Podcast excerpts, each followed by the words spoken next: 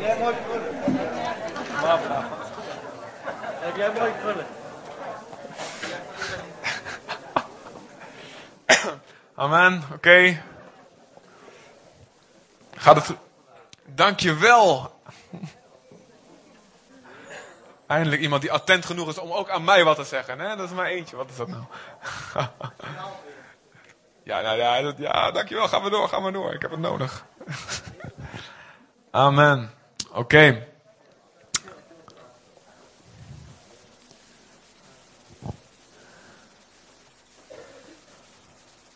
Wat een stilte. Geweldig. Verander God van gedachten. Dit is niet een vraag, het is een opdracht. Verander God, Gods gedachten. Jacobus 5. Jacobus 5, vers 16. Oké, als je nieuw bent, maak je niet druk. Als je de Bijbelboeken niet weet te vinden of als je geen Bijbel bij je hebt, ik zal duidelijk proberen voor te lezen. Ehm, als je wel een Bijbel hebt, maar je weet niet te vinden, Jacobus is, moet je achteraan beginnen met bladeren. Dan kom je de openbaringen tegen. En daarvoor een paar kleine brieven. En dan, dan zie je uh, drie brieven van Johannes. Judas, drie brieven van Johannes, twee brieven van Petrus. En daarvoor ligt hij, Jacobus. Jacobus, de broer van Jezus. Trouwens, als je ook nieuw bent in je geloof, het is een heel goed, uh, goede brief om mee te beginnen met lezen. Jacobus is lekker duidelijk en radicaal en praktisch. Dus uh, een, goed, een goede brief. En terwijl jullie bladeren, even een update. En ik, ik, ik, het is goed om als gemeente getraind te zijn om veel op de website te kijken. Want dat, dat is op de data zoveel mogelijk mededelingen op kunnen zetten. En dat is heel fijn. En gisteren was weer een nieuw record. We verbreken elke keer de records van het aantal bezoekers per dag. Dat is heel erg goed. Um, voor degenen die dat nog niet gewoon te hebben. En ze zullen ook af en toe nog dingen blijven zeggen. Volgende week komt Gerard de Groot hier spreken. Um, uh, Gerard is een uh, voorganger in, in Rotterdam. Goede vriend van ons ook. En uh, ja, als je hem nog niet gehoord hebt, dan heb je echt wat gemist tot nu toe in je leven. Maar het is een bom van de Heilige Geest. Uh, dus zorg ervoor dat je er bent. Zorg ervoor dat je er elke week bent. Maar zorg ook voor de volgende week voor dat je er bent. Dat je ook mensen meeneemt. Uh, mensen uitnodigt. Ook volslagen vreemden op straat. En uh, mensen die nog nooit in de kerk zijn geweest. Juist die. Breng die allemaal mee. Uh, Gerard die, uh, die, die zal s ochtends hier gewoon spreken in de dienst. Um, en daarna is er, zijn er broodjes. Zijn er broodjes voor iedereen. We gaan weer eten met elkaar. Alleen niet zo exquisiet als vorige keer. Wat trouwens erg geslaagd was. Applaus voor jezelf. Maar um, heel erg lekker. We gaan weer eten. Alleen nu gewoon wat, wat simpel en eenvoudig. Want smiddags zal er ook een seminar zijn. Ook door Gerard. Gerard blijft dus plakken. Uh, hij zou eigenlijk smiddag naar Doetinchem gaan, maar die hebben hem onbegrijpelijkerwijs hebben hem afgezegd. En oh, wij hebben huwelijkscursus uh, deze weken. En vanmiddag ook weer. En vanmiddag is het in Doetinchem. Dus uh, we doen het samen met onze zus, zusje, zusjesgemeente, Christengemeente Doetinchem. En vanmiddag is het daar. En uh, voor, de huwelijks, uh, voor de huwelijkskandidaten van Zutphen en Doetinchem. En ze gaan vanmiddag spreken over seks. Ja, helaas, je kan je niet meer aanmelden. Nee, sorry. Um, maar in de kader daarvan zal Gerard ook spreken volgende week. Maar iedereen is daarbij uitgenodigd. Gerard is uh, ja, in de 40 en uh, is altijd happy single geweest. Vrijgezel geweest. Maar heeft vorig jaar het licht gezien. In de vorm van een dame. En gaat trouwen dit jaar. Heel erg leuk. Dus volgende week mogen jullie allemaal hem feliciteren. Zijn verloofde komt hoogstwaarschijnlijk ook mee volgende week. Dus je kunnen jullie ook uh, zien waar het allemaal om gaat. Maar dan gaat hij smiddag dus een seminar geven over eerste deel over vrijgezel zijn. In Gods wil. Heel interessant. Alle vrijgezel. Yeah. En het tweede deel, een relatie beginnen. Dus het aangaan van een relatie ook naar Gods wil. Hoe doe je dat nou? Nou ja, oftewel, ja, je moet gewoon allemaal hier zitten. Iedereen heeft een reden om gewoon te blijven plakken. Uh, dus het zal smiddags zijn gewoon hier omdat het over de 50 man is. En dan de week daarna, 6 februari, belangrijk. Meld je aan via de website. Dat is echt nodig. Ook als je gewoon tot de kern, vaste kern hoort. Meld je aan, 6 februari, Bart Doorneweert komt dan. Uh, van Jeugd de Opdracht, echt een, een kei van een kerel. En ook een, een, een kei in het, het bidden voor mensen. En wat er gebeurt als hij bidt voor mensen, daar komen dingen los. Uh, ja, ik heb nooit mensen zo snel in tranen zien uitbarsten. Op een goede manier. Uh, echt, een man heeft echt een, een salving van God, draagt hij met zich mee. En die, gaat, en die gaat dan een training geven die hij normaal landelijk geeft, komt hij bij ons een cursusdag geven. Dienstbaar in de kracht van de Heilige Geest heet het. Dus iedereen die een verlangen heeft gewoon te groeien, ook in het, het, het bidden voor mensen. Of, misschien wil je zeggen, ik wil ook gaan mee gaan bidden. Of waar dan ook voor genezing bidden. Of ik wil gewoon leren de Heilige Geest te verstaan. Zorg allemaal dat je er bent. Uh, 6 februari, zaterdag, overdag, vanaf 10 uur. Direct na het uh, leidersontbijt, direct daarna. Um, in de IJsselkade plannen we het nu nog. Maar als het over de 50 wordt, dan moeten we een andere locatie zoeken. Dus zorg dat je je opgeeft, dan weten we hoeveel er komen. En of we een andere locatie moeten regelen. Dus geef je op via de website. Dat is 6 februari. En dan 14 februari, doopdienst. Ja, we hebben er, uh, als het goed is, drie of vier al. En uh, daar komen er wat meer, uh, komen er wat, wel wat meer bij. Dus je kunt je opgeven bij Bianca. Zwaar even, Bianca. En dan hoor je ook over dooponderwijs wat van tevoren gegeven zal worden. Dus 14 februari is een Valentijnsdoopdienst wordt dat.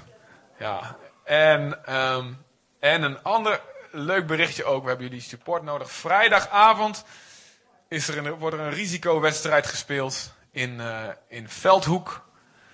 Heb je nooit van gehoord. Ergens tussen hier en Doetinchem.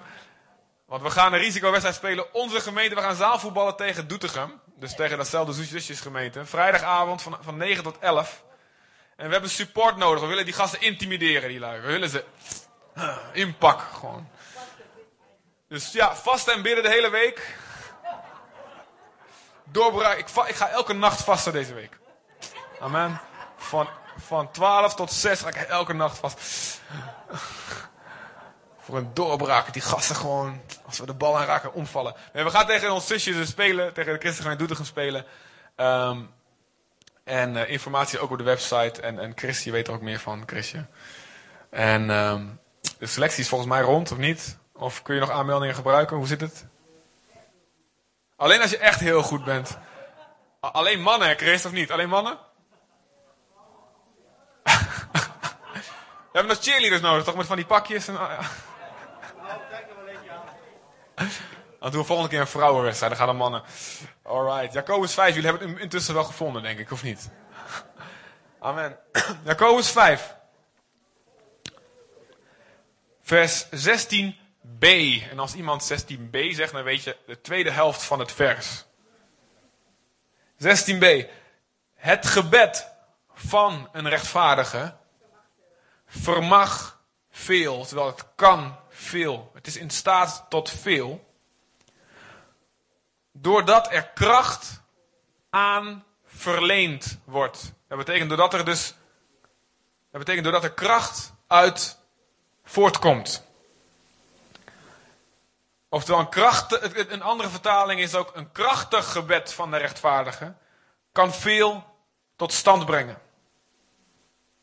Of een gebed van de rechtvaardige kan veel en zet Gods kracht vrij. Maakt kracht van God beschikbaar. En dan gaat het verder. Elia was slechts een mens zoals wij. En hij bad een gebed. Dat het niet regenen zou. En het regende niet op het land. Drie jaar en zes maanden lang. En hij bad opnieuw en de hemel gaf regen. En de aarde deed haar vrucht uitspruiten. Waarom staat dat hier? Elia was een mens zoals wij. Wat is de bedoeling van Jacobus? Wat wil hij daarmee zeggen? Iedereen kan hetzelfde bereiken met gebed als dat Elia bereikt heeft in dit verhaal. Dat is de reden dat hij dit vertelt. Hij was een mens zoals wij. En als je het verhaal leest, staat in, staat in 1 Koningen rond hoofdstuk 17. Er zijn een aantal hoofdstukken, dat gaat over hem. Dan zie je dat hij een man van God was. En God sprak door hem heen en God deed machtige wonderen. Er kwam vuur uit de hemel toen hij bad.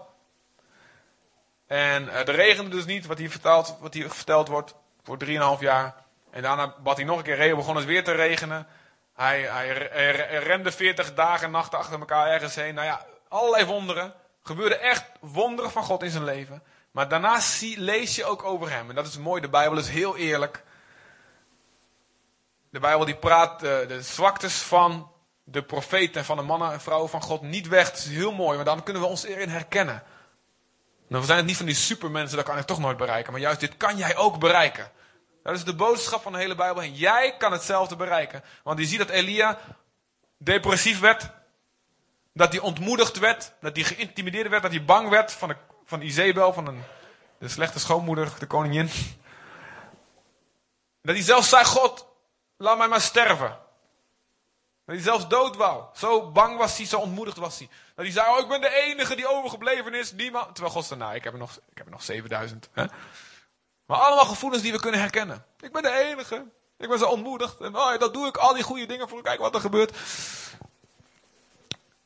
Elia was een mens precies als wij, en dan kun je daar lezen. En zijn gebed, omdat hij rechtvaardig was, daar werd kracht aan verleend. Daardoor kwam kracht beschikbaar. Nou is de grote vraag: ben jij een rechtvaardige? En het mooie is dat het nieuwe verbond, het nieuwe testament, dat betekent verbond, zegt dat iedereen die gelooft in Jezus, iedereen die gelooft dat Jezus voor zijn zonde gestorven is en weer opgestaan is. Die, en die, die, die, die Jezus erkent. Ieder, al die mensen zijn door hun geloof, niet omdat ze de meerderheid van hun leven goede dingen gedaan hebben. Dat, dat wordt los daarvan gezien. Door dat geloof word je rechtvaardig in de ogen van God. En dat betekent, je kan recht voor God staan. Zelfs als je je leven lang een crimineel bent geweest of verslaafd aan allerlei dingen. Of een hypocriet. Of een leugenaar. Of een lasteraar. Alle, al die dingen. Als jij je dan van bekeert. Of in ieder geval je draait je daarvan om. En, zegt, en je, zegt, je zegt ik geloof in Jezus. Ik klem me vast aan Jezus. Al die mensen. Iedereen. Wordt door God rechtvaardig verklaard. En dat betekent dat ook deze belofte voor jou geldt. Jouw gebed kan net zoveel bereiken als Elia's gebed. Jij kan bidden. En het kan drie jaar niet regenen. Misschien is dat heel handig hier in Nederland een keertje. Nee hoor. Misschien hebben sommigen van jullie gebeden voor, voor sneeuw en zo. Heel goed. Maar dit is de kracht die beschikbaar is aan jouw gebed. Maar heel vaak geloven we dit eigenlijk niet. We geloven het wel. Toch? Wees eens eerlijk. Want wat doen mensen die dit echt geloven? Wat doen die? Die doen het. Die bidden met dezelfde resultaten.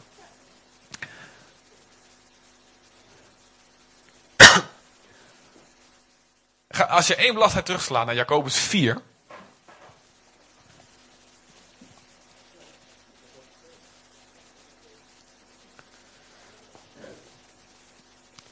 Jacobus 4, dan, dan zie je dat hij iets zegt. Dan heeft hij het over conflicten en strijd die er is tussen de christenen. En dan bestraft hij ze flink. En dan zegt hij in vers 2 en dan 2c, zeg maar, echt het laatste stukje van het vers.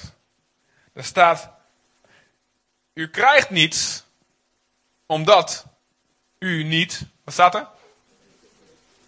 Bid. Hè? En in de oude vertaling één, ander, één woordje anders. Je hebt niks omdat je niet bidt. Wauw, het is een hele makkelijk te begrijpen waarheid. Je hebt de dingen. Je, en, en, let op, we gaan even, even lezen wat daarvoor staat. waar komt, in vers 1. 4 vers 1. Waar komt al die strijd? Waar komen al die conflicten bij u toch uit voort? Ik lees uit de nieuwe vertaling. Is het niet uit, uw, uit de hartstochten, die strijd leveren in uw binnenste? U verlangt naar iets, maar u krijgt het niet. U bent jaloers en moordlustig, maar bereikt uw doel niet. U bekvecht en twist met elkaar. U krijgt niets omdat u niet bidt. Daar heb je hem, de zin. En als u bidt, als u wel bidt, ontvangt u niets. Omdat u verkeerd bidt. Want u wilt alleen uw eigen hartstochten bevredigen. Trouwelozen, beseffen jullie niet dat vriendschap met de wereld vijandschap met jegens God betekent? Dat is de, het verhaaltje wat er omheen staat met een moeilijk woord context. Hè? Dus dat is het hele verhaal wat hij wil vertellen. En het gaat dus, jongens, jullie willen van alles. Maar het probleem is, jullie denken dat je het zelf moet bereiken. Dus door mensen te bestrijden, door conflicten, door jaloers te zijn, door zelfs anderen naar beneden te halen. Maar Jacobus zegt, joh, je hebt die dingen niet die je graag nodig hebt, omdat je niet bidt. Bijvoorbeeld, je voelt je on, ja, niet gewaardeerd. Je, en, en ieder mens heeft dat heeft verlangen, een behoefte om gewaardeerd te voelen. Hè? Je voelt je niet gewaardeerd, oh, je voelt je minderwaardig. En God vindt, God dat, vindt dat erg. God wil niet dat je je minderwaardig voelt. Maar als je dat een buiten God om manieren gaat zoeken om dat gevoel weer kwijt te raken, dan krijg je conflicten. Want dan zeg je, nou, als ik me niet minderwaardig wil voelen, dan kan ik me beter vergelijken met andere mensen. Als ik andere mensen nou eens naar beneden ga halen en ga kletsen over die en die, kijk eens hoe slecht die is. Dingen die ik eigenlijk in mezelf ook herken, maar dat hebben we dan maar niet over. En als ik die naar beneden ga halen, en dan voel ik me vast een stuk beter. Of als ik ga kletsen over die, kijk eens naar die, we gaan we samen praten, kijk eens naar die. Dan voel ik me vast een stuk beter. Of ik voel me, ja, ik voel me minder waardig. Weet je wat? Volgens mij, als ik heel belangrijk geworden in een bepaalde groep, of een, of een, bepaalde functie, of een taak, of een positie. Weet je, dan, dan voel ik me misschien minder minderwaardig. En, dan ga, en wat er gebeurde daar hier bij deze christenen. En, en dan gingen ze vechten met elkaar. Ik wil die positie, ik wil die taak, ik wil dat doen en ik wil belangrijk zijn. Want ze wouden dat gevoel van minderwaardigheid kwijtraken. En daardoor kwamen allerlei conflicten. En Jacobus zegt, joh.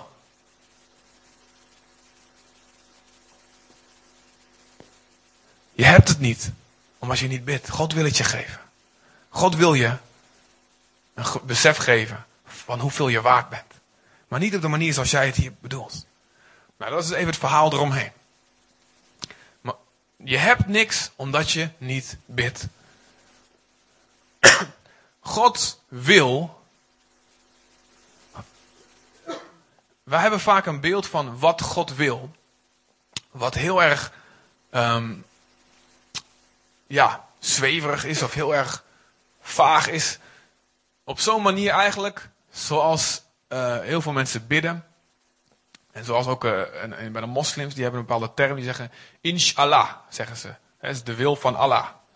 En als er dan een ramp gebeurt, dan zeggen ze, nou ja, wat God wil. Ja, dat is, het is, als God het wil, dan gebeurt het. Of ze zeggen, ik wil dit graag, maar ja, als God het wil, hè, dan...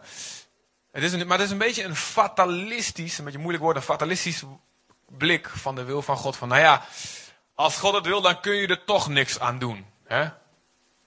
Er gebeurt toch wat God wil, dus ja, laten we ons daar maar aan overgeven. nou wil ik dat vandaag radicaal, dat die gedachten uitdagen bij jullie allemaal. En als jullie goed onthouden hebben, de eerste zin die ik zei was: verander Gods gedachten. De hele Bijbel laat namelijk zien dat wij als mensen in staat zijn om God te beïnvloeden. Dat God beïnvloed wil worden. Dat hij alles zo ingesteld heeft dat wij hem kunnen beïnvloeden. Dat hij dat gepland heeft en dat hij dat heel graag wil. Dat hij graag wil samenwerken met ons. Heel erg simpel voorbeeld. In de Bijbel staat het twee keer heel duidelijk. God wil dat iedereen gered wordt. Dus dat niemand veroordeeld wordt om zijn zonde. De Bijbel zegt iedereen verdient straf om de zonde die hij doet. Iedereen. Iedereen verdient het oordeel van God na dit leven. En God wil dat niemand dat oordeel uiteindelijk zal krijgen, wat ze wel verdienen. Daarom is Jezus gekomen en heeft gezegd, ik neem die straf, neem ik op, je, op me. En als je mij gelooft, als je mij volgt, dan is die straf betaald voor jou. Hoef je het zelf niet meer te dragen als je straks doodgaat. En als het iedereen voor de troon van God komt te staan. Dat is goed nieuws. Ja. Yeah. God wil dat iedereen gered wordt. Dus dat iedereen zegt: Oké, Jezus, ik zie dat Jezus de waarheid is. Ik zie dat Jezus niet zomaar een goed mens is, of een profeet, of, of, of een leuk aardige iemand. Ik zie dat Jezus diegene is die mijn schuld op zich genomen heeft. Dat hij de waarheid is, dat hij de weg de waarheid is in het leven. Er staat twee keer 1 Timotheus 2 en 2 Petrus 3 daar staat, God wil dat niemand verloren gaat. Dat niemand dat oordeel krijgt. Amen. God wil dat. Nou wil ik je nog heel logisch laten nadenken. Gebeurt dus die wil van God automatisch? Zien wij dat al om ons heen? Een beetje. In sommige landen heel veel. Hè? Laatst het Brazilianen gezien. 40% van Brazilië inmiddels is uh, happy clappy in de Heer. Heel geweldig. Heel bijzonder. 600 tot 800 miljoen Pinkster christenen wereldwijd. Dus uh, rond de 10% van de wereldbevolking. In, heel bijzonder. Dus God is bezig. Er is een grote opwekking gaande. En zoals uh, Renske ook al zei, het gaat hier ook komen. Amen. En als alle profeten zeggen, en zelfs de kinderen van twee jaar zeggen, dit is de tijd, dan kunnen we maar beter geloven. En gaan meewerken en gaan meebidden. Amen. God wil dat iedereen gered wordt. Maar die wil van God gebeurt dus niet automatisch. Hoe graag God het ook wil. En ik geloof, geloof me, God heeft een sterke wil. God heeft sterke passie. Alle passie en, en alle wilskracht die we kennen komt bij hem vandaan. Hij is de bron daarvan. We kunnen nooit meer wilskracht en meer passie hebben dan God. God wil het heel erg graag. En toch gebeurt het niet automatisch. Hij betrekt ons erbij. En dat doet hij door middel van gebed. Praten met God. Pleiten bij God. Eén worden met God. Gods hart leren kennen. En daardoor steeds beter weten wat hij wil, hoe zijn hart is. Hoe meer je zijn hart leert kennen, hoe beter je ook weet wat hij graag wil. En dan die wil uitbidden. En dan staat er, als zo'n rechtvaardige bid, dan komt de kracht vrij, jongen. Bam. De duivel is onze tegenstander. En weet heel goed wat in het woord van God staat. Hij kan Bijbel citeren als de beste. Veel beter dan wij allemaal. Een, Bijbel, citaat, wedstrijd, opdreunwedstrijd gebeurt. En hij doet mee, dan wint hij. Ga je Bijbel citeren, Ari? Ja, klopt. Ja. Hij plaatst het natuurlijk altijd in de verkeerde hoek. Hè? Dus hij, zet, ja, hij doet er iets af, doet er iets bij en hij draait er net een beetje om. Of net op het verkeerde moment. Dan zie je dus in de woestijn dat hij dus de boel ook misbruikt. Maar in ieder geval, hij kent de Bijbel heel goed. En hij weet die belofte die daarin staat. Dat als wij bidden, dat de dingen gaan knallen. En dat wil niet. Dus, een van de speerpunten is, als ik maar het geloof van christenen in gebed kan ondermijnen. Als ik ze maar een of andere manier kan laten geloven dat wat hier staat, ja, dat je dat niet zo moet zien, want eigenlijk was het alleen maar voor die, of eigenlijk is het alleen maar als dit. Als, als ik maar zoiets in hun gedachten kan planten, dan gaan ze niet meer geloven en dan gaan ze niet meer zo vrij bidden en al die dingen bidden die God eigenlijk wil. Toch? Het is belangrijk voor ons om dat te herkennen. Het is belangrijk voor ons om te herkennen dat het zo werkt. En dat, dat geloof wat je hebt iets is wat je moet bewaken. Waar je als een leeuwin over jonge, jonge leeuwwelpen grommend voor je hol moet gaan staan. Dus niemand komt aan mijn geloof. Je moet waken over je geloof. Gebed maakt het verschil of de wil van God gebeurt of dat hij niet gebeurt. Er zijn dingen die niet gebeuren, die God wel wil, maar die niet gebeuren als jij niet bidt.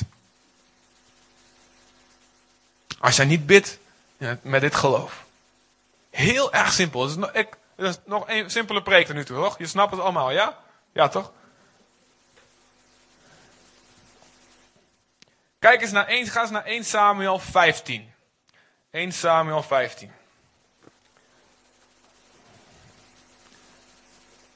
1 Samuel ligt zeg maar een beetje op een kwart ongeveer van het Oude Testament.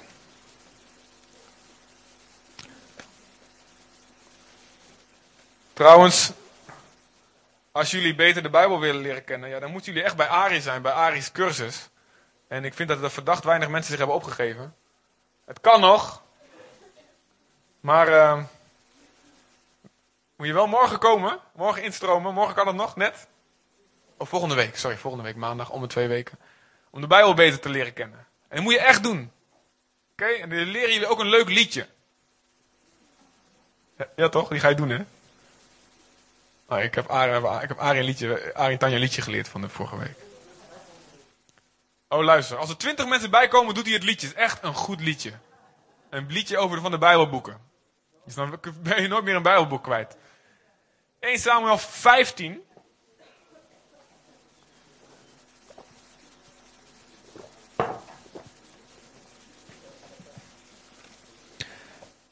...1 Samuel 15. Heb je hem allemaal? Heb je hem? Ja? Gaat goed? Heb je hem? 15 en dan in vers 29. Ik leg even het verhaal uit. Saul is koning geworden. Van Israël. En God heeft hem gezegend. Samuel heeft hem aangesteld. De profeet Samuel heeft hem gezegend en gezalfd met olie. Jij wordt de koning. De eerste koning van Israël. En dan gaat het een tijdje goed. Maar dan wordt Saul ongehoorzaam. En dan zegt God dat hij. Nou ja, let op. Ik zal, ik zal niet verklappen. Vers 29. nou zegt Samuel, als hij Saul zegt, tegen Saul zegt, je zal geen koning meer zijn. En er komt een nieuwe aan, en dat wordt David. Nou, die naam wordt nog niet gezegd, maar... En dan zegt hij in vers 29, ook liegt de onveranderlijke van Israël niet. De onveranderlijke van Israël is een, ander, is een beschrijving van God. God liegt niet. Hij is onveranderlijk en hij kent geen berouw. Want hij is geen mens dat hij berouw zou hebben. Dus God kent geen. Jongen, mogen we tegen mij praten, hè? God kent geen. Dan gaan we een paar versen verder. In vers 35. Samuel zag Saul niet meer tot de dag van zijn dood, maar Samuel droeg leed over Saul. En de Heer had berouw. Even wachten. Heer had berouw dat hij Saul tot koning over Israël had aangesteld. Even wachten. Luister, als, je, als, je, als, je, als je een boek wil schrijven en je wil dat het geloofwaardig overkomt. Als je dan tegenstellingen zou verwachten, dan zouden die misschien in verschillende boeken zijn of zo. Of in andere hoofdstukken van het boek, maar niet zes versen van elkaar. Toch? God kent geen berouw. En toen ging Samuel naar huis en God kreeg berouw. Wat? Luister. Als je dingen tegenkomt in de Bijbel die lijken alsof ze elkaar gigantisch tegenspreken, dan moet je opspringen, want weet je waarom? Je staat op het punt van een gigantisch grote openbaring van wie God is. Ik heb het meeste geleerd, misschien wel, denk ik ja. Ik heb denk ik het meeste geleerd van die punten in de Bijbel van ik dacht, nou ja, maar hier staat dit en daar staat dat. Hoe kan dat nou? Dat klopt toch helemaal niet? ik vertel je dat de Bijbel geen boek is met wiskundige formules waar je zo alles uit je hoofd kan leren en dan snap je alles. De Bijbel is een boek wat je moet lezen met de Heilige Geest in een persoonlijke relatie met God. Anders snap je er geen hout van. Geen biet, geen rode biet. Je hebt een relatie nodig met de schrijver om het te kunnen snappen. Snap je? Er staat dat God dingen verborgen heeft. Verschillende plekken. God heeft dingen verborgen. Het is de, de, de, de eer van God om dingen te verbergen. En het is de eer van een koning om die dingen uit te zoeken die verborgen zijn. Het is net als goud, weet je wel. Is verborgen. Je moet er naar zoeken als het overal zal liggen. Straks in de hemel ligt het overal. Dan zou het niet zoveel waard zijn. God wil dat alleen de hongerigen van hart, die hem werkelijk willen, willen kennen, dat die bepaalde dingen ontdekken van hem. Let op, ik heb het niet over mensen die echt uh, heel erg slim zijn of weet ik veel. Het gaat om honger. En die wil God de dingen openbaren. God kent geen berouw. Maar God heeft berouw. Wat is dit? Wat is dit? Luister, ik ga jullie uitleggen. Er zijn. God kan tot bekering komen. God kan berouw krijgen. Ik zal jullie uitleggen hoe dit zit. Ga even naar.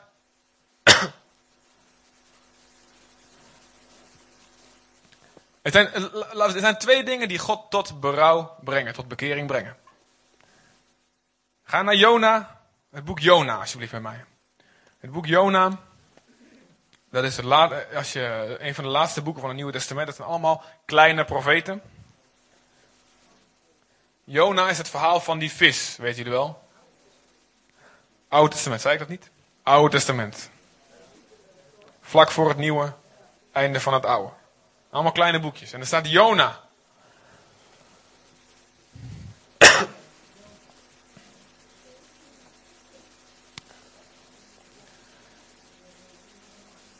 En terwijl jullie op opzoeken, verklap ik vast wat dingen.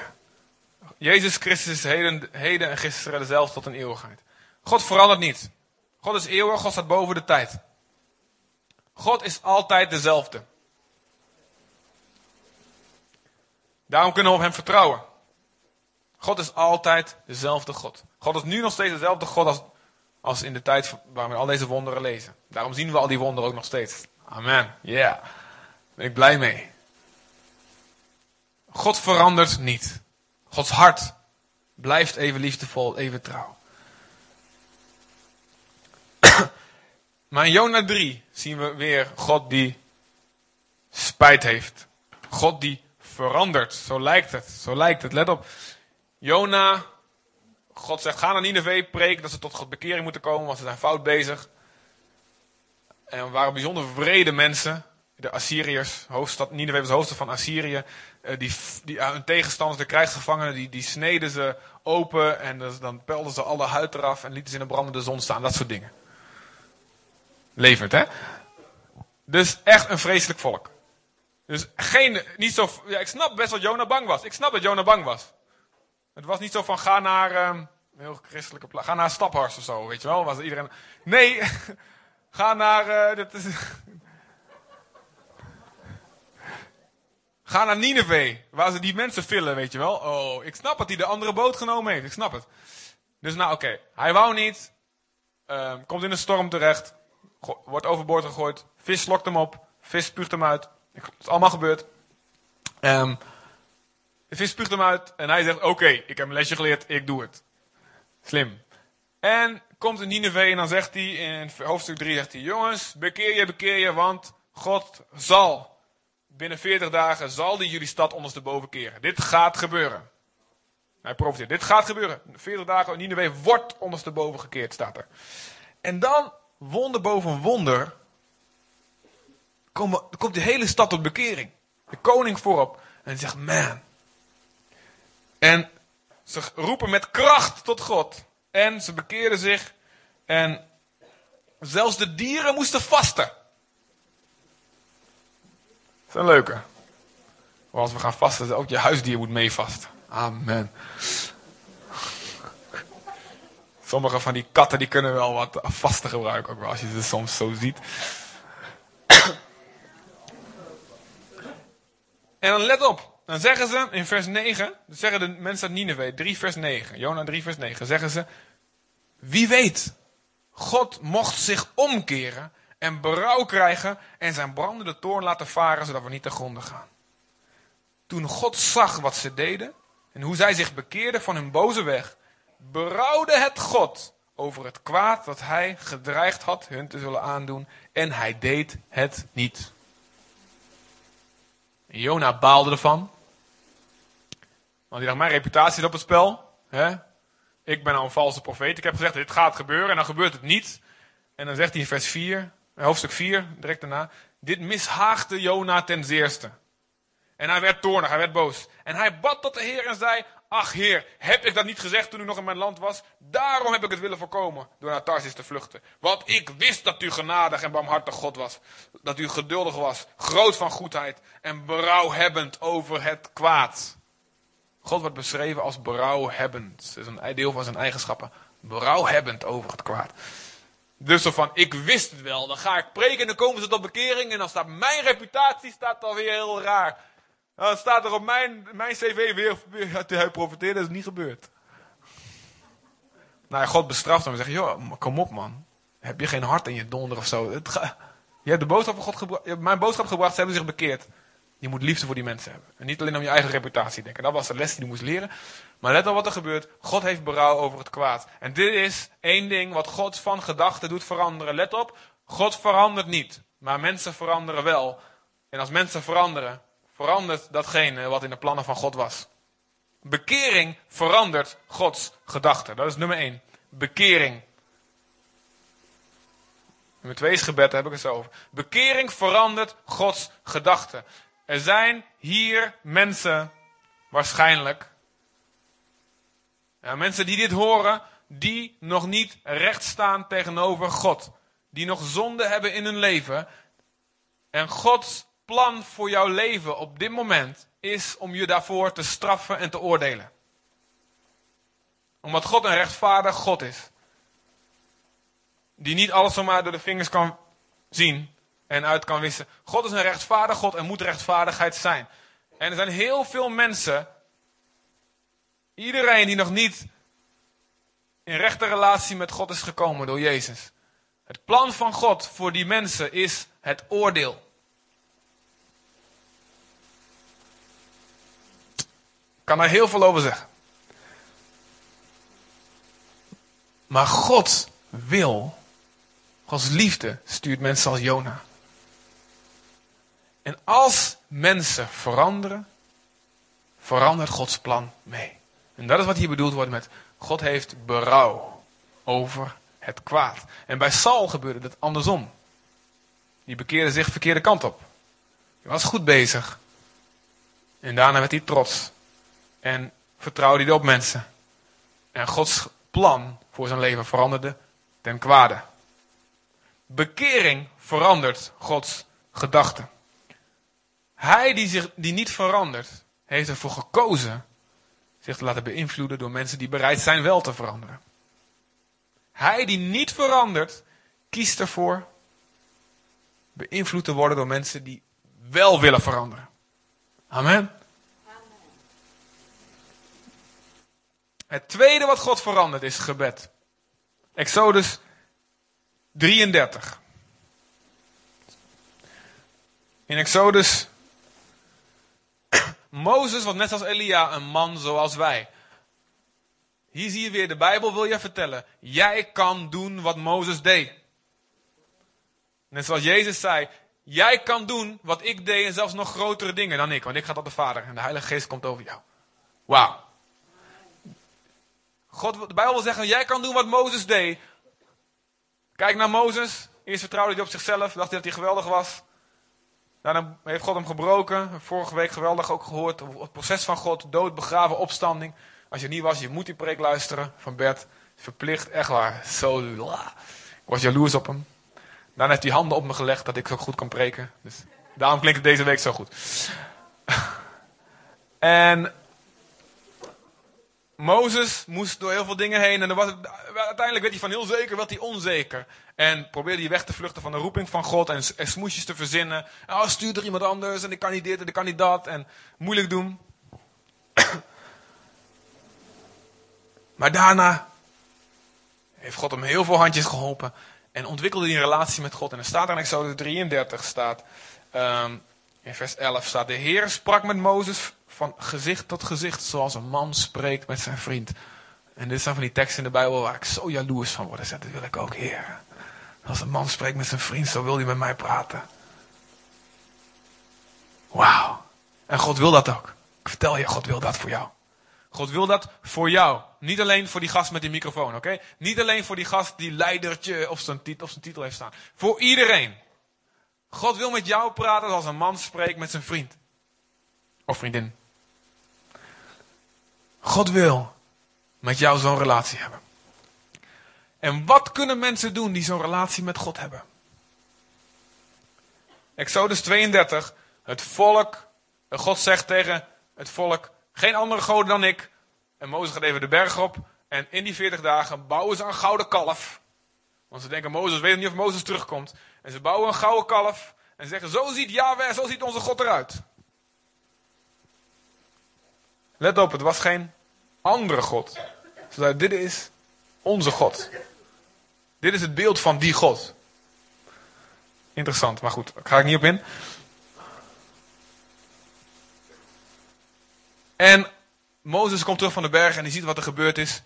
En God zegt, let op. Exodus 32, vers 9. Vervolgens zei de Heer tot Mozes, ik heb dit volk gezien. En zie, het is een hardnekkig volk. Nou moet je goed opletten wat hij zegt.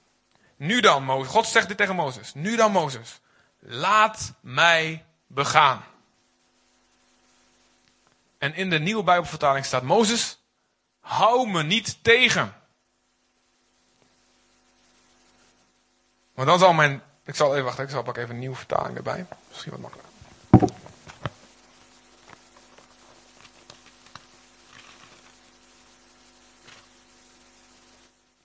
Hou mij niet tegen. Mijn brandende toorn zal hem verteren, maar uit jou zal ook een groot volk laten voortkomen.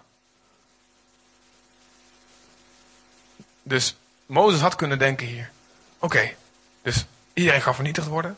Als iedereen vernietigd wordt, en dan wordt het nieuwe volk uit mij de Mozesieten. Yes! Gelukkig had hij geen groot ego dat hij dat nodig had. Maar hij had liefde. En dan zegt hij, Mozes probeerde de Heer zijn God milder te stemmen.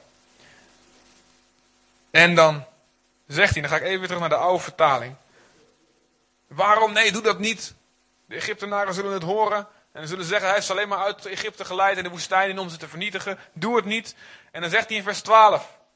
Halverwege. Laat uw brandende, brandende toren varen. En Mozes spreekt tegen God. Heb berouw over dit onheil waarmee u uw volk bedreigt. Denk aan Abraham, Isaac en Israël. In vers 14. Denk dus aan het verbond wat u besloten heeft. In vers 14. De Heere kreeg berouw over het kwaad dat hij gezegd had zijn volk te zullen aandoen. Luister, verandert God. God kent geen berouw. God kent geen berouw. En de Heer kreeg berouw. Dat hebben we al verschillende keren gezien. Bij Samuel, bij Jona, bij Mozes. De God krijgt berouw. En hier zie je het hart van God. Hou me niet tegen. Kennen jullie dat? Als je zo'n hele grote, iemand heeft ruzie. En het ene is een hele grote beer. Heel veel spierballen en heel veel sportschool. En die andere is een klein kereltje. En dan die kleine kereltje weet dat hij nooit kan winnen. En die heeft een vriend bij zich. En uh, die kleine kereltje wil wel stoer doen. Maar weet, het gevecht kan nooit winnen. En dan zegt hij tegen zijn vriend. Hou me niet tegen, jongen. Hou me niet tegen, hou me niet tegen. Maar... hij weet, als hij me niet tegenhoudt, dan ben ik de pineut. Dat is een ander verhaal. Maar God is veel sterker. God is de sterke beer, wat dit betreft. Waar... God heeft het niet nodig om Mozes toestemming te vragen. Toch? Als God dit had willen doen in het diepste van zijn wezen, had hij het gewoon gedaan. Toch? Mozes, hou me niet tegen. Mozes, laat mij begaan.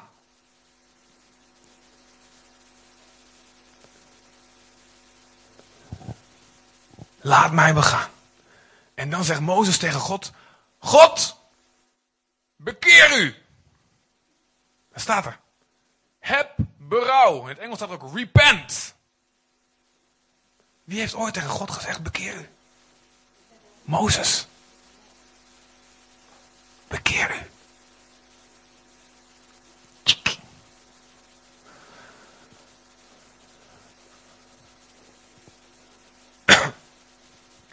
Omdat God wil dat wij een deel hebben in zijn plan. Omdat God wil dat we als Hem worden. Betrekt Hij ons in zijn plan. Zodat we zijn hart gaan krijgen. Zodat we zijn hart gaan krijgen. God wist wat Mozes ging zeggen. Maar hij heeft iemand nodig die dit zegt. Luister in Ezekiel 22, vers 30. Je hoeft niet op te zoeken. Maar er staat, er wordt een hele lijst beschreven. Het volk, wat het wat volk Israël allemaal doet. ze onderdrukken de wezen, de weduwe, de vreemdelingen. Ze buiten elkaar uit. En het is allemaal ah, het is vreselijk wat er gebeurt. Geweld, onschuldig bloed. Uh, de hele maatschappij hangt van onrecht aan elkaar. Ik kan het niet laten doorgaan. En dan komen er nog profeten die zogenaamd in mijn naam dingen zeggen. En die zeggen, ga maar zo door. Goed zo, goed bezig. God houdt van jullie. Ga maar door met al het onrecht. En God zegt, ik heb gezocht onder hen naar iemand, Ezekiel 22 vers 30. Ik heb gezocht onder hen naar iemand die in de bres zou willen staan. Nou, een bres is een gat in de muur. Waar de vijand zo er binnen kan komen. Ik heb gezocht naar iemand die op die bres zou willen staan. Je hebt gebedsbeweging, die heet ook op de bres om deze reden. Zeggen. Ik heb gezocht naar iemand die er tussen beiden zou komen. Want mijn, ik moet hen oordelen. Maar ik zoek naar iemand die tussen beiden kan komen. En als ik zo iemand had kunnen vinden, dan had ik het niet hoeven doen. Maar ik heb hem niet gevonden, staat er dan. En daarom moet het oordeel over ze komen en moeten ze in ballingschap gaan. En moeten ze verslagen worden door hun vijanden.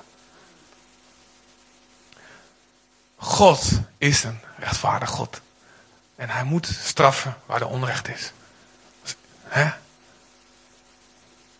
Omdat hij van mensen houdt. Moet hij straffen als die mensen wie hij houdt iets aangedaan wordt. Maar hij zoekt naar iemand die een muur op kan trekken. Hij zoekt naar iemand die op die bres kan staan. En dat was hier was dat Mozes. En Mozes was hier een beeld van Jezus. Die dit gedaan heeft voor ons. Want wij verdienden allemaal de straf. Wij verdienden dat de vijand over ons zou komen met volle kracht. Om wat wij gedaan hebben. En wat wij denken, wat wij zijn diep van binnen. En Jezus is in ons gat in de muur gaan staan. En heeft gedaan wat Mozes hier al laat zien. God bekeer u van dit kwaad. En God wilde dat al die tijd al. Dit is het hart van God. En dit is, luister, Jezus is de enige die op deze manier op de bres kan staan. Maar wij mogen in Hem meedelen in zijn bediening. Wij zijn in Jezus, wij zijn het lichaam van Jezus. Dus wij zijn een deel van Hem. Vanaf dat we tot geloof gekomen zijn. En wij mogen ook op deze manier op de bres gaan staan voor mensen over wie anders het oordeel zal gaan komen. Amen. Dit is hoe God het in elkaar heeft gezet. Net zoals Jezus mogen wij zeggen: God, wij weten dat het oordeel verdiend is. Wij weten het. We zien het ook. U heeft helemaal gelijk. Maar laat het niet gebeuren. Laat deze mensen gered worden. Laat deze mensen gezegend worden die het niet verdienen. Dit is het hart van Jezus. En hiertoe zijn wij geroepen. En in dat proces, terwijl we dat doen, verandert God ons en krijgen we, zijn, krijgen we het hart van God. Als God alle dingen deed, doet zonder ons, dan is het van ja, hij doet van alles, ja, maar we weten er toch niks van. Hij betrekt ons, zodat we veranderen naar zijn beeld. Is dat mooi of niet? Snap jullie dit? Is het De dingen die God van gedachten doen veranderen, die God tot bekering doen komen, zijn bekering van mensen en is gebed. Jij kan, net zoals Mozes, bidden. Want het gaat niet om wat je gedaan hebt, of wel of niet gedaan hebt. Het gaat erom wat Jezus wel of niet gedaan heeft. En als wij in Jezus geloven, kijkt God naar ons alsof hij Jezus ziet. Daarom bidden wij in Jezus' naam. Niet in Arenda's naam of in Daans naam of in Jins naam. Nee, in Jezus' naam. Namens Jezus vraag ik u dit en dit. Het gebed van een rechtvaardige vermag veel, want er wordt kracht aan verleend. En er zijn veel voorbeelden hiervan. In Hiskia, lees maar thuis. 2 Koningen 20. Hiskia. God zegt. Eh, Hiskia wordt ziek. Vlak na een grote overwinning, hij wordt ziek. En, en de profeet Jezaja die komt het paleis binnen. En zegt, maak voorbereidingen, want je, dit is de ziekte, hier ga je aan sterven. En Hiskia zegt, hij keerde zijn gelaat naar de muur. Naar de wand. En hij begon te, luid te huilen. Luidruchtig te huilen. En hij zegt, God, alsjeblieft, nee, denk aan maar. Ik wil het niet. En Jezaja was nog in de voorhof van de tempel. En die, God zegt, draai je om en ga terug.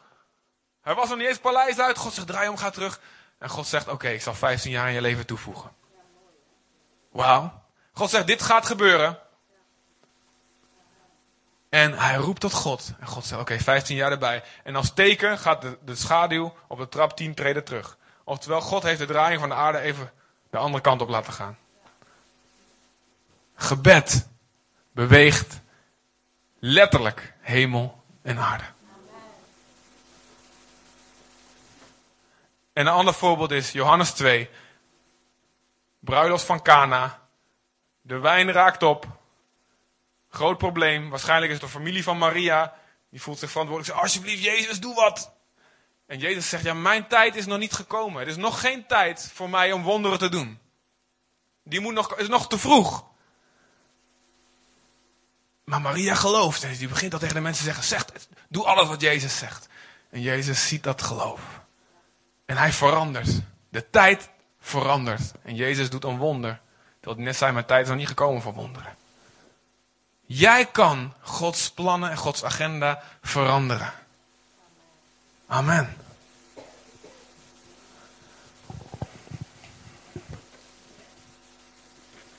Jij kan God bewegen.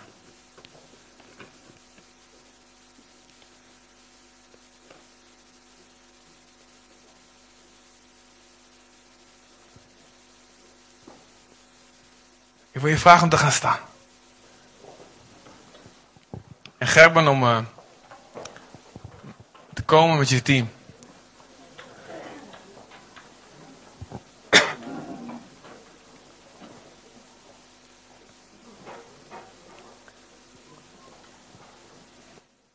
Luister nog even. Ik wil, de kinderen zullen vast iets later komen. We zijn ook later weggegaan.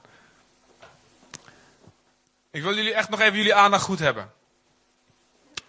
Dus ik wil iedereen ook hebben, ook aan de zijkant. Kom maar, deze kant, yes. Ja, ja, ja, hallo. Hey, jongens, hier.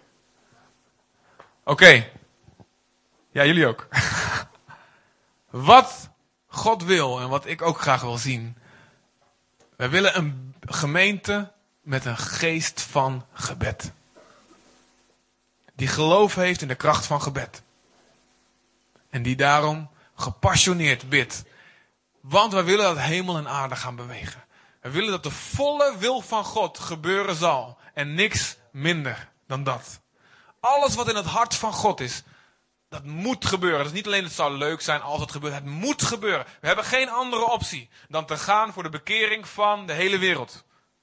We hebben geen andere optie dan grote dromen. We hebben geen andere optie dan te gaan voor de kracht van God. Die alle ziektes geneest. En die ons zo zegent op alle gebieden, zodat de wereld Jezus gaat zien in kracht en in liefde. We hebben geen andere optie. Dus wat we nodig hebben, is dat we leren die, pijlen, die brandende pijlen van de duivel op ons geloof. Die zeggen, gebed werkt toch niet, doe het maar niet. Die moeten we leren af te weren op het schild van wat? Geloof. Het schild van geloof dat ons gebed veel kracht heeft. En dat God door een mens zoals wij de, de hemel kan openen en kan sluiten. De hemel en aarde heen en terug kan laten gaan. Zelfs de schaduw kan veranderen. We hebben niks omdat we niet bidden. Of we bidden verkeerd omdat we ons nog niet bekeerd hebben van onze hartstochten. En God wil dat we ons bekeren. En daarmee beïnvloeden we zijn plannen. We veranderen we hem van gedachten. En God wil dat we bidden. Daardoor gebeuren er dingen die anders niet zouden gebeuren. En staat in Zacharia 12 staat, ik zal over hen uitschieten, de geest van genade en de geest van de gebeden. De Heilige Geest in jou is een geest van gebeden. En als je de Heilige Geest de ruimte geeft, dan komen daar gebeden uit naar de wil van God. En dan ga je uitbidden wat je in de hemel ziet, laat dat zo worden op de aarde. En in de hemel zijn er geen mensen die verloren gaan. Zijn er geen mensen. Is er geen zonde. Dus laat er geen zonde zijn. Laat er geen ziekte zijn. Laat er geen onrecht zijn. En wij moeten vaststaan op die wil van God. En het geloof hebben. En het niet laten uitdoven, bewaken. En gaan bidden. En geen excuses verzinnen. Amen.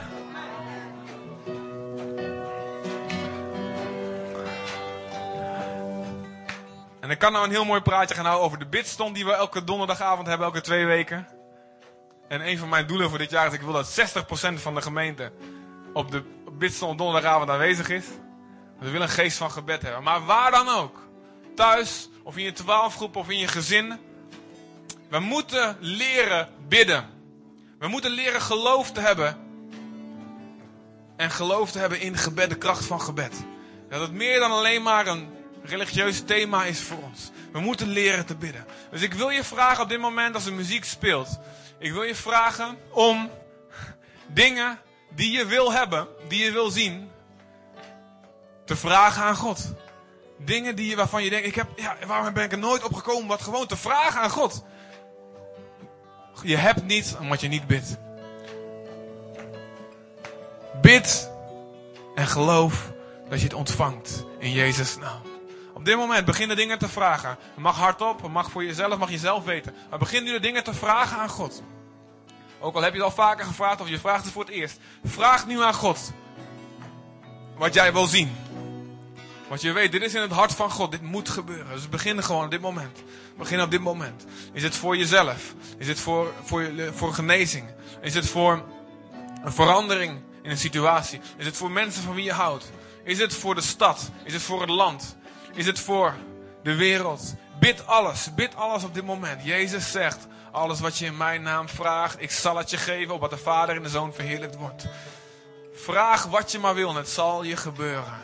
Omdat je blijdschap volkomen zal zijn.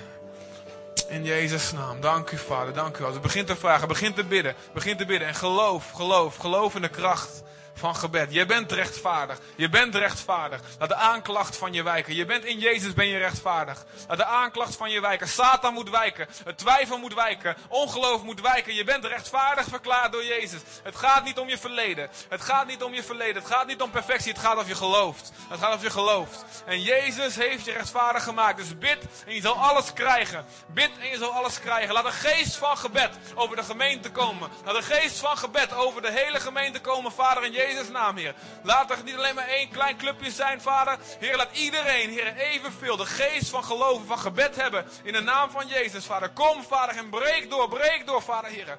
Vader God, laat ons gepassioneerd bidden, Vader, Heer. In Jezus' naam, Heer. In Jezus' naam. Geef ons een passie, Vader, Heer. Geef ons een geloof, Vader. Dat nooit uitgedoofd zal worden in Jezus' naam. En ik bid, Vader, dat wij zullen zien dat hemel en aarde zullen bewegen door ons gebed. Laat alles veranderen door ons gebed, Vader. En laat ons hierin volharden, Vader. Volharden Vader. Heer, dat die pijlen, Heer, met de jaren nooit kunnen binnendringen, Vader. Maar het geloof alleen maar zal toenemen in Jezus' naam, Vader. En laat, Heer, het aangezicht van deze stad en van dit land en van onze levens, Vader. Heer, van de wereld zelfs, tot in alle uithoeken, laat het veranderen door het geloof wat wij hier hebben, Vader God, Heer.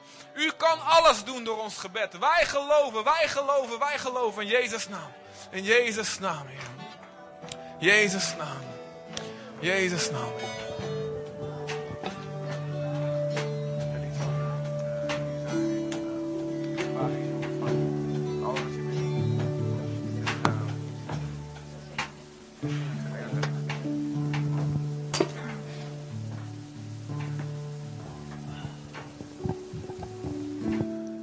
Blijf gewoon doorbidden, blijf doorbidden, blijf doorvragen.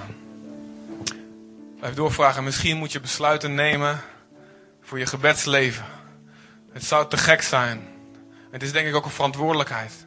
Het is een verantwoordelijkheid van ieder gelovige om een gebedsleven op te bouwen. Er staat in de Bijbel waak over je gebedsleven. Bouw dat op. Doe dat in kleine stapjes. begin niet meteen met een uur of met twee uur achter elkaar. Doe dat gewoon. Begin met tien minuten. En bid dan in geloof. Sommige mensen bidden zichzelf dan helemaal de depressie. En dat is ook. Bid met geloof. Bid met geloof. God hoort je. God, Elia was een mens als ik. Mozes was een mens als ik. Die bad en die kreeg het. En ik heb de Heilige Geest. En ik heb Jezus' naam. Dus misschien moet je ook nu met God overleggen of, of gewoon een besluit maken. Een vastberaden besluit. Het gaat niet om emoties alleen. Ik wil een, ik wil een man van gebed worden. Ik, heb al lang geleden besloten. Ik wil een man van gebed worden. En, en dan stel ik mezelf een doel en soms dan verslapt dat weer. Dan ga ik, gewoon, ga ik gewoon door. ga gewoon weer door. Gewoon opnieuw. Ik zeg, ik wil een man van gebed worden. Ik wil dat leren.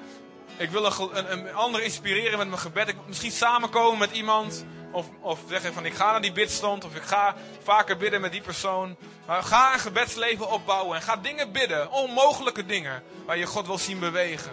De Bijbel zegt in Psalm 2. Zegt God tegen zijn zoon. En wij zijn in de zoon. In Jezus. Dat ik vraag van mij. En ik geef. Natie als je ergens wil. De einde van de aarde tot je bezit. Misschien denk je van ja, ik heb al genoeg aan mezelf. Ik ben niet bezig met een natie. Vraag. Vraag dan eerst voor jezelf. En tegelijk voor de natie. God wil je alles geven. We gaan eens zingen. U zei. Bid en je zal het ontvangen. Alles wat je zoekt. U zei. U, en u zei. Vraag en je zult ontvangen. Al wat je zoekt. U zei, bid en ik zal je geven. Herstel voor je land. U zei, mijn heerlijkheid vult de aarde. als water de zee. U zei, Ga dan op weg, de oogst is dichtbij. Mijn rijk is nabij, u zei. Vraag dan geef ik de volken aan jou. O Heer, hoor de roep van mijn hart. Toon de landen en volken uw licht. O Heer, als het schijnt Vader in Jezus' naam, op dit moment bidden we voor ons land Nederland, Vader Heer. We bidden, Vader Heer, dat u ons land, Vader, tot bekering brengt, Vader Heer. Dat u berouw zal hebben over het kwaad, Vader. Berouw over het oordeel, Vader Heer.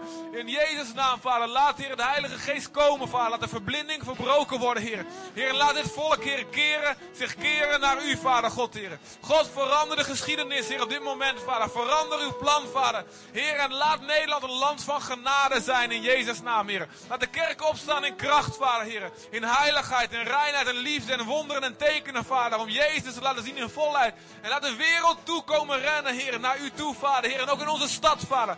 Heer, in deze plaats. Laat ons opstaan. Laat niks ons kapot krijgen. Laat niks de eenheid kunnen verbreken. Laat niks ons geloof kunnen uitdoven. Laat niks de liefde kunnen verslappen, Vader, Heer, in Jezus' naam. Laat niks onze vastberadenheid kunnen roven. Laat ons niet inslapen, Vader God, Heer. Maar maak ons sterk, Vader, Heer. Heer, zodat we, Heer, deze stad, Vader, Heer, zullen bereiken, Vader, Jezus' naam. Met uw woord, Vader, met uw kracht, Heer. Wat iedereen gered wordt en niemand verloren gaat, Vader. Maak het waarheid, Vader. Maak de opwekking, Vader, Heer. Realiteit in Jezus' naam, Heer. Heer, ik zie een grote doorbraak. Opgewekt door ons gebed. Laat het komen, Vader God, op dit moment, Heer. Jezus. Jezus, Heer. Oh, Heer. En vraag dan geef ik de volken aan jou. O Heer, hoor de roep van mijn hart. Toon de landen en volken uw licht. O Heer, als het. U zijn vragen geef ik. Vraag dan geef ik de volken aan jou. O Heer, hoor de roep van mijn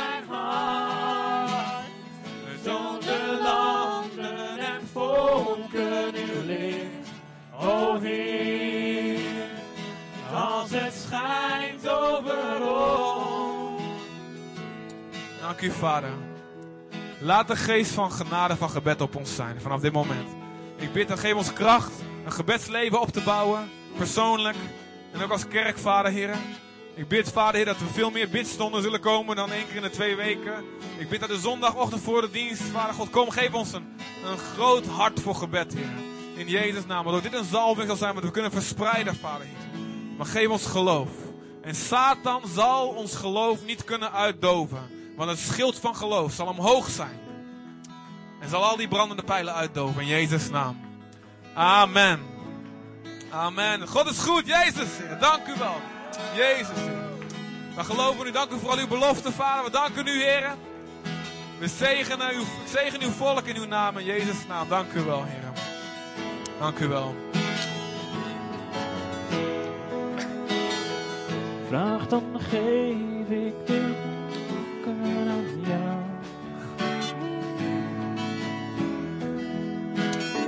Dank u, Vader.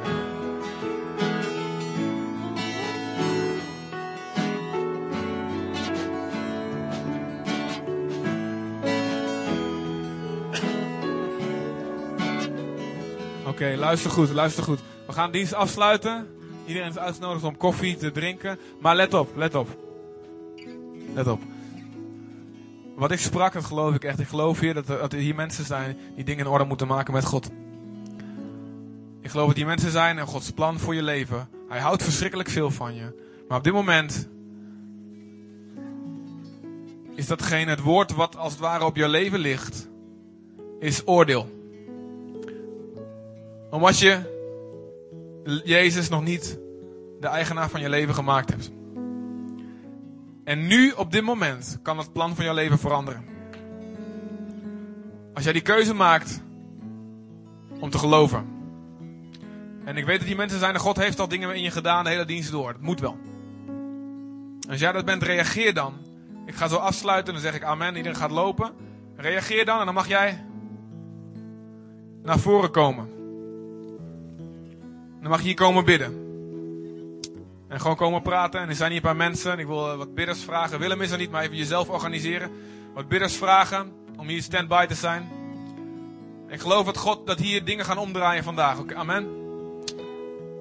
Ik geloof dat dit een huis is waar, waar God redt. Ook letterlijk. Hosanna. Dat God vandaag nieuw leven gaat geven aan mensen die hem nog niet kennen. Die nog niet gekozen hebben voor hem. Dus als jij dat bent.